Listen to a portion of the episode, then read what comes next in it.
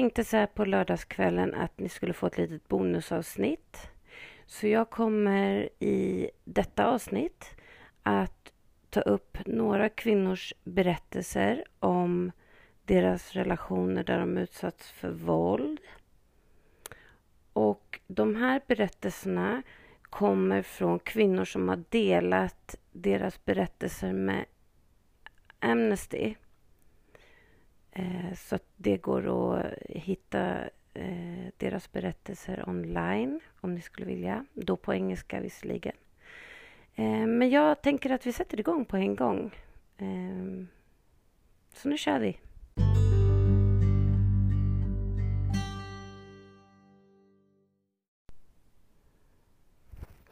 De här kvinnorna som jag kommer att prata om överlevde våld i hemmet och nu tar de ställning för att hjälpa andra. De modiga kvinnorna eh, i, i den här, det här avsnittet är från Louisiana i USA.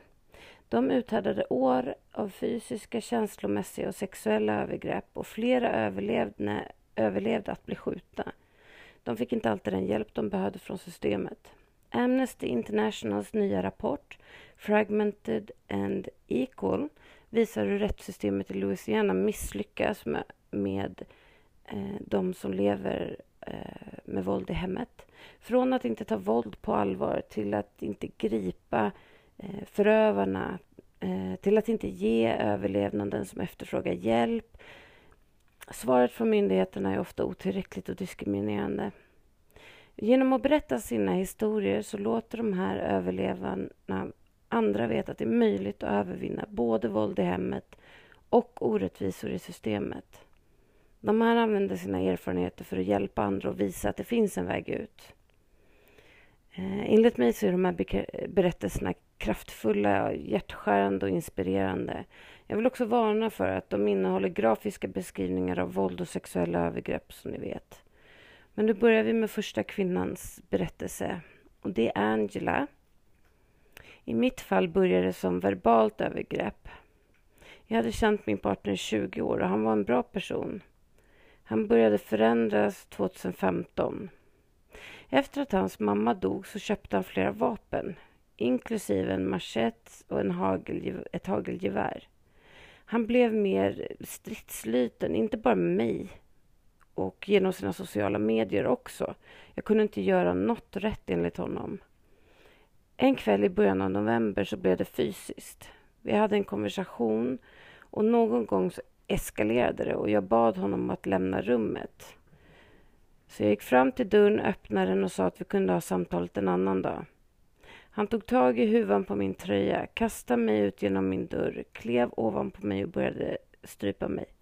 Jag lyckades skrika efter vår äldsta son och då klev han av mig och gick.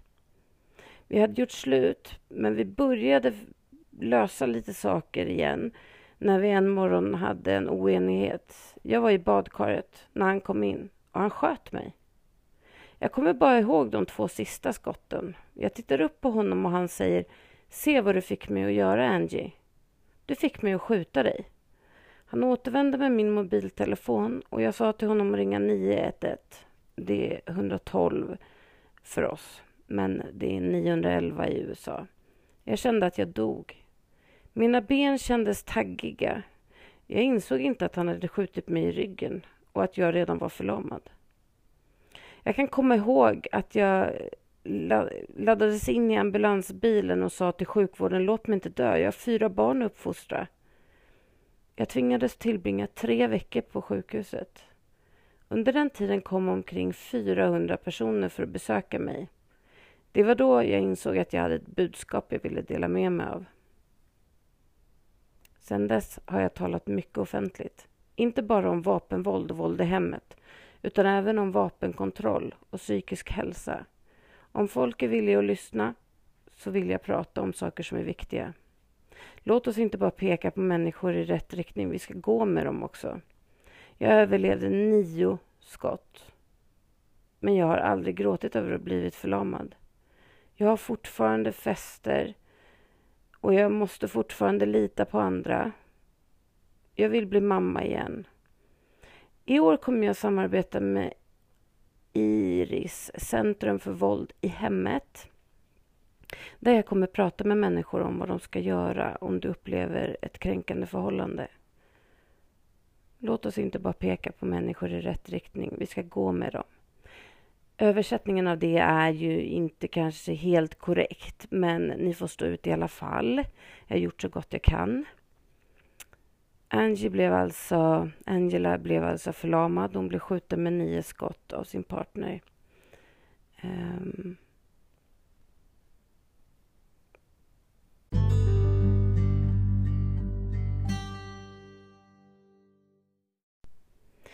det är otroligt jobbigt att läsa de här berättelserna för de är ju...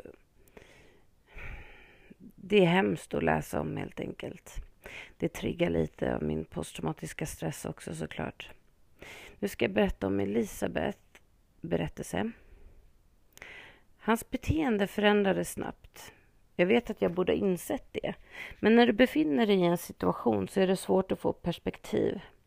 En dag ringde min dotter gråtandes och sa att mitt ex hade hotat att slå henne i huvudet med en hammare. Jag ringde polisen och de tog bort honom från huset och jag fick besöksförbud nästa dag. Efter en månad gick jag till domaren och bad honom att upphäva orden eftersom jag inte kunde föreställa mig att den här mannen skulle skada oss. Men sen den 13 januari förändrades hela mitt liv. Jag hörde en polis säga eh, det här är bara ett våld i hemmet. Fem meter från där mitt barn låg dött. När mitt ex kom in i huset så var min dotter vaken. Jag hörde prat. Jag kom in i vardagsrummet för att försöka lugna ner henne. Hennes ögon var vida av rädsla. Hon kunde se honom närma sig med en pistol. Och när jag vände mig så ringde skottet i mina öron. Jag lyckades ringa 911 och jag kunde inte prata eftersom mitt ansikte... Jag visste inte riktigt hur jag skulle prata, men de spårade samtalet hem. Polisen kom och sen kom läkare, teamet. Och jag hörde polisen säga, eh, det är bara ett fall av våld i hemmet. Det var inget bara med det här. Hela mitt ansikte blev sönderskjutet. Det var därför jag inte kunde prata i telefonen när jag ringde. Så hela mitt ansikte rekonstruerades eftersom kulorna slet sönder det. Jag låg i koma i nästan en månad. När jag vaknade så träffades jag av situationens verklighet. Min bror och syster vägrade begrava min dotter utan mig. Jag var tvungen att gå i terapi för att kunna lära mig använda mina muskler. Men mycket av det kunde de inte fixa. Jag kan inte blåsa näsan. Mina läppar är fortfarande domna och när jag äter och dricker så vet jag inte om något är för varmt tills jag får en blåsa. Och det har varit en kamp. Vi måste få människor att förstå att det är inte det, det själva de är inte själva, vi är så många. Jag har pratat med kvinnor som dejtat mitt ex och de har nämnt att han var våldsam mot dem. Hade jag vetat att han misshandlat andra kvinnor så hade inte jag gjort honom till en del av mitt liv. Första gången någon bad mig att prata om det som hänt så var det jättesvårt. Det är jobbigt varenda gång. Men om det förändrar ett endaste liv så spelar det roll för mig. Våld i hemmet är en så personlig sak och det är hemlighet. Vi måste få människor att förstå att de är inte själva i det. Jag har träffat unga kvinnor och män som har hört min historia och sagt att det förändrade dem. Att det ger dem modet att nå ut och be om hjälp. Då känner jag att det är värt att jag berättar min berättelse. Och det var Elisabets berättelse. Hon blev sönderskjuten i, i ansiktet och huvudet och hennes dotter blev dödad av hennes pojkvän. Otroligt fruktansvärt hemskt det här.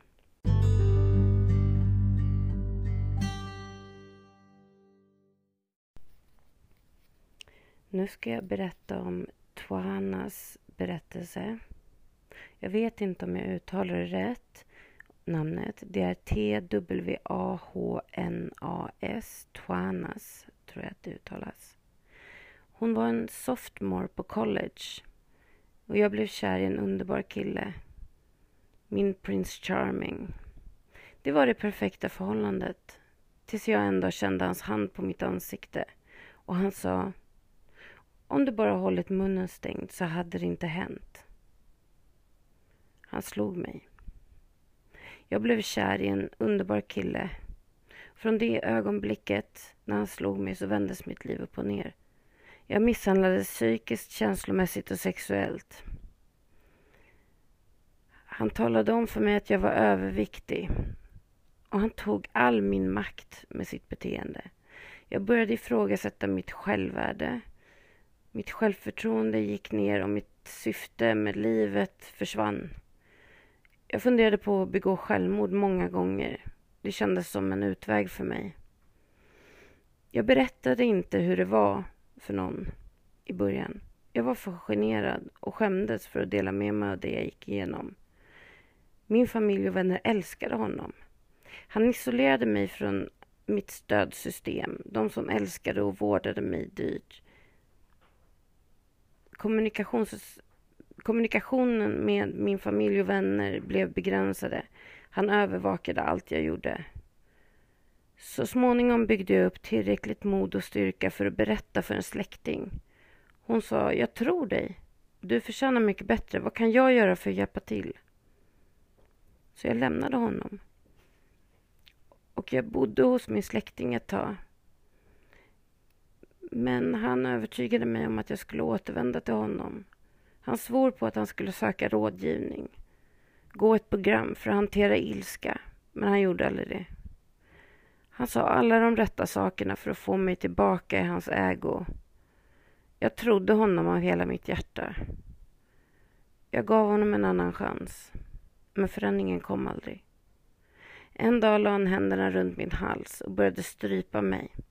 Det var som att han var besatt. Han sa till mig, jag kommer döda dig om du går igen. Och jag såg mig själv dö av hans händer. Men jag vaknade upp och en röst sa till mig, idag är dagen du går. Jag gick och la mig den kvällen och bad. Jag hörde den här mjuka rösten i mitt öra och jag visste att det var Guds röst. Nästa morgon vaknade jag och rösten sa till mig, idag är dagen du går. Jag kunde inte tro på vad jag hörde i mitt huvud. Jag sa till honom att jag skulle åka till jobbet och så gav jag honom en kyss adjö. Jag gömde mig bakom en byggnad mitt emot vårt flerbostadshus och när jag såg honom kliva in i sin bil så gick jag tillbaka till lägenheten för att samla ihop mina saker. Och jag gick aldrig mer tillbaka. Det var den läskigaste tiden i mitt liv. Att börja om utan honom var både utmanande men jag pressade mig fram och jag var beslutsam att leva igen. Jag blev upptagen med volontärarbete på ett lokalt skyddshem och talade också emot våld i hemmet. Jag började dejta igen och så bestämde jag mig för att återvända till universitetet. Jag fick möjlighet att dela min historia med en samling unga kvinnor. Och jag minns de som hade tappat livet på grund av våld i hemmet, som inte kände livsglädjen längre. Den natten påverkade min berättelse flera av kvinnorna och jag insåg att min historia kunde inspirera. En person kan inte göra det här ensam. Det tar många händer och många röster. Via Fjärilsamhemmet kom att bli min personliga resa framåt. Vi är en gräsrotsorganisation. Stövlar på marken, träffar människor där de är. Vi går till frisörer, grannskolor och kyrkor. Vi strävar efter att utbilda, stärka och engagera samhället. Det finns fortfarande så mycket arbete att göra och det är inte upp till oss som ett team att göra allt, men vi kan påverka lite grann. En person kan inte göra det själv. Det krävs många händer och många röster för att göra det här arbetet. Men tillsammans så kan vi göra det.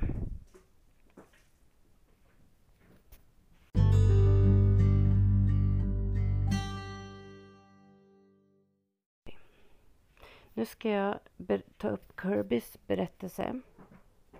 Jag träffade någon på gymnasiet och vi började dejta. Jag blev gravid tre månader innan studenten och flyttade in med honom. Första gången han lade händerna på mig var medan jag var gravid.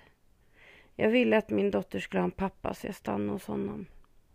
Våldet fortsatte. Det var sexuellt, fysiskt och känslomässiga övergrepp. Ingen visste vad som hände bakom stängda dörrar. Han behandlade mig som att jag var hans egendom. Det första besöksförbudet jag fick var efter han dök upp i min lägenhet. Han kastade runt mig och kvävde mig. Jag fick ytterligare ett besöksförbud till fyra år senare. Men eftersom jag inte hade någon att representera mig och jag var rädd för hans hot så förlorade jag den. Polisen behandlade mig som att jag hade vanföreställningar och var hysterisk. Och i juni 2017 vaknade jag av att han misshandlade mig sexuellt i min säng. Jag stod upp för mig själv och sa till honom att det han gjorde var våldtäkt. Han sa till mig att han skulle visa mig hur det verkligen var att bli våldtagen. Han kastade mig på sängen. Men jag började bita honom hårt. Han kom tillbaka ovanpå mig och började strypa mig. Min dotter kom och skrek att han skulle sluta. Och jag kunde ringa polisen. De behandlade mig återigen som att jag hittade på att jag var hysterisk och att jag inte kunde samarbeta. För jag ville inte upprepa det jag redan sagt fyra gånger inför olika män. Polisrapporten säger att jag vägrade skriva ett uttalande. Men jag blev aldrig ombedd att skriva det. De sa till mig att jag behövde bestämma om jag ville åtala för att han brutit sig in. Jag ville att de skulle ringa den som gör våldtäktsanmälningar. En polis pratade med min dotter och berättade sedan för min man att han greps för våld i hemmet och även för strypningen baserat på vad min dotter sa. De sa till mig, skriv bara på pappret frun, jag är klar med att hantera dig med barnhandskar. Jag träffade min rådgivare och nästa som jag uppmanat mig att skydda barn och för att låta mina barn se övergrepp mot makar. Jag fick uppdrag att skaffa en skyddsorder för mig och barnen. Vid förhandlingen så beviljade han, beviljades han övervakade besök och tvingades ta 26 veckors intervenskurser i familjevåld. Han greps fyra gånger medan han tog klasserna, men han fick fortfarande sitt certifikat. Jag är fast besluten att bekämpa varje steg jag tar framåt. Efter det så bestämde han sig för att ansöka om ensam vårdnad om barnen. Ju närmare rättegången kommer, desto mer fruktar jag att han kommer döda mig och mina barn och sen fly till ett annat land. Han brukade ha en AK47 och en Glock, alltid laddad. Jag vet inte om han överlämnade sina vapen. Förmodligen gömmer han dem i sitt garage. Men jag är ändå fast besluten att bekämpa honom varje steg jag tar. Jag var med och grundade Voices i Akadiana.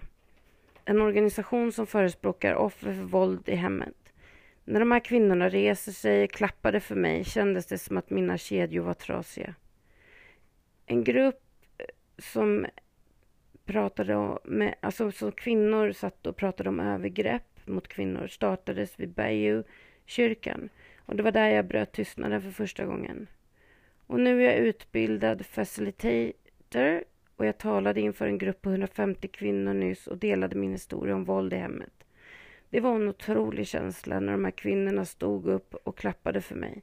Det fick mig att känna att mina kedjor var trasiga. Ursäkta att vissa meningar blir tokiga. Som sagt, översättningen är inte helt lätt alla gånger, men jag gör mitt bästa, hörni.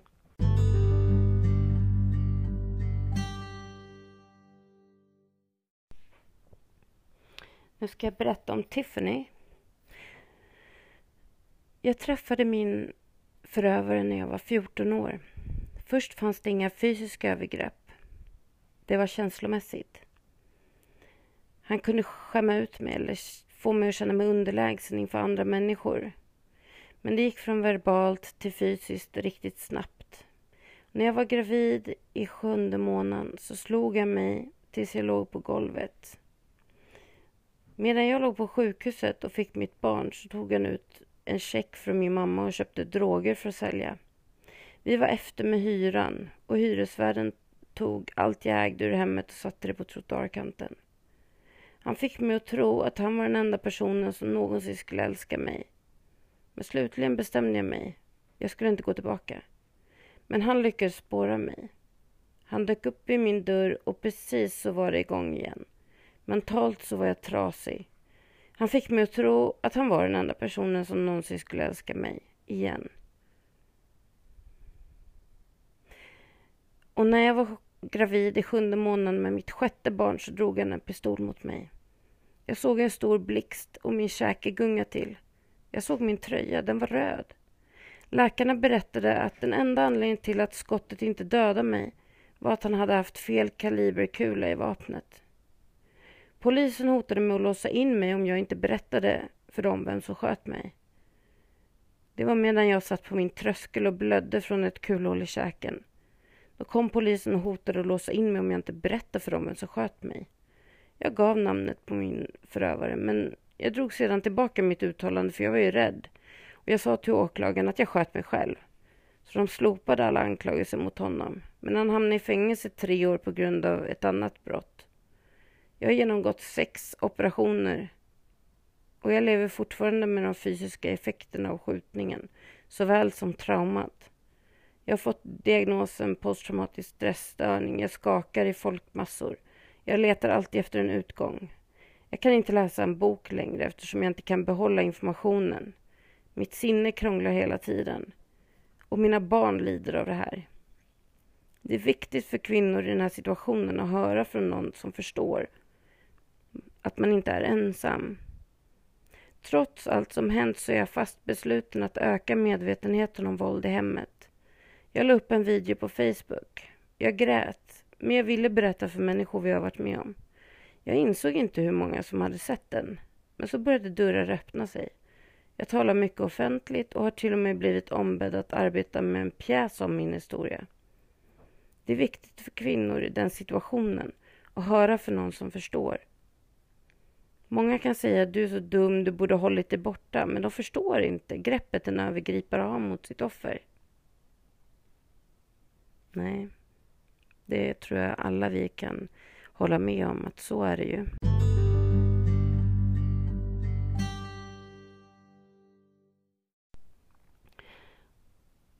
Det här är sista kvinnans berättelse och det, hon heter Brandy. Vi var gifta när vi fyllde 18 och hade tre barn och bodde tillsammans i nästan 15 år.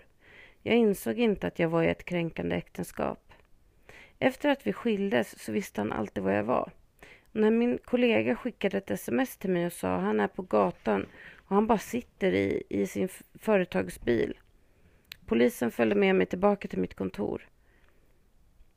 Jag tog ut ett besöksförbud mot mitt ex och ett par veckor senare lämnade han ett avskuret ben från en gris i våra pojkars skötväska med en lapp om att pojkarna ville ha det som en souvenir. Han hade gått på jakt och klippt av benet. Det var blod överallt. Även trots att jag hade besöksförbudet på plats så förföljde och trakasserade han mig.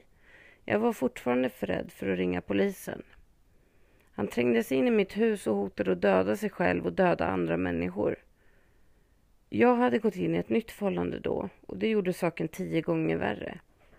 De få åren efter att jag lämnade var ett helvete. Jag var inte medveten om att jag kunde förnya mitt besöksförbud så det gick ut. Efter att jag gifte om mig och skilde mig två gånger förlovade sig mitt ex igen. Hans nya fästmö begärde en skyddsorder eftersom han misshandlade henne och hon var rädd för sitt liv. Jag tror skyddsorder, det, det är besöksförbud. Eh, det är bara en, ordet blev tokigt så att ni är med, medvetna om det. Hon frågade mig om jag skulle gå till eh, förhandlingen för att vittna om tidigare övergrepp. Att använda min röst för att bryta tystnaden mot våld i hemmet, det, det var svårt. Men för att få tillbaka mitt liv så har det varit värt det. Hon hade också närmat sig hans andra och tredje fru, så vi kom tillsammans för att ta en enad ståndpunkt. När han hörde att vi alla var där tillsammans med två andra vittnen så släpp, släppte han det han hade tänkt att lämna in för ett ömsesidigt skyddande. Mitt ex hade agerat aggressivt mot mina barn i flera år och våldet eskalerade. Men sedan det här jag fick ensam vårdnad om mina barn och permanent eh, besöksförbud för oss alla. Förlåt, jag missade den meningen. Jag träffade personaladvokaten på Faith House och vi begärde ensamvårdnad. Det var traumatiskt att gå igenom det hela igen. Men domaren avgjorde till min fördel. Och nu som sagt då har hon ensamvårdnad om sina barn. Och sedan dess har jag grundat Voices i Acadiana.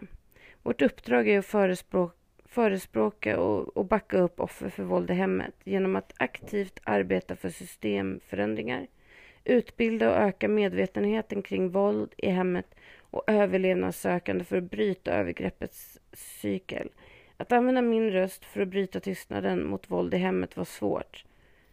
Men för att jag har fått tillbaka mitt liv så har det varit värt det. Och det var allt, hörni. Ehm, jag hoppas ni har tyckt att det varit ett bra bonusavsnitt. Sköt om er så kommer nästa avsnitt på måndag.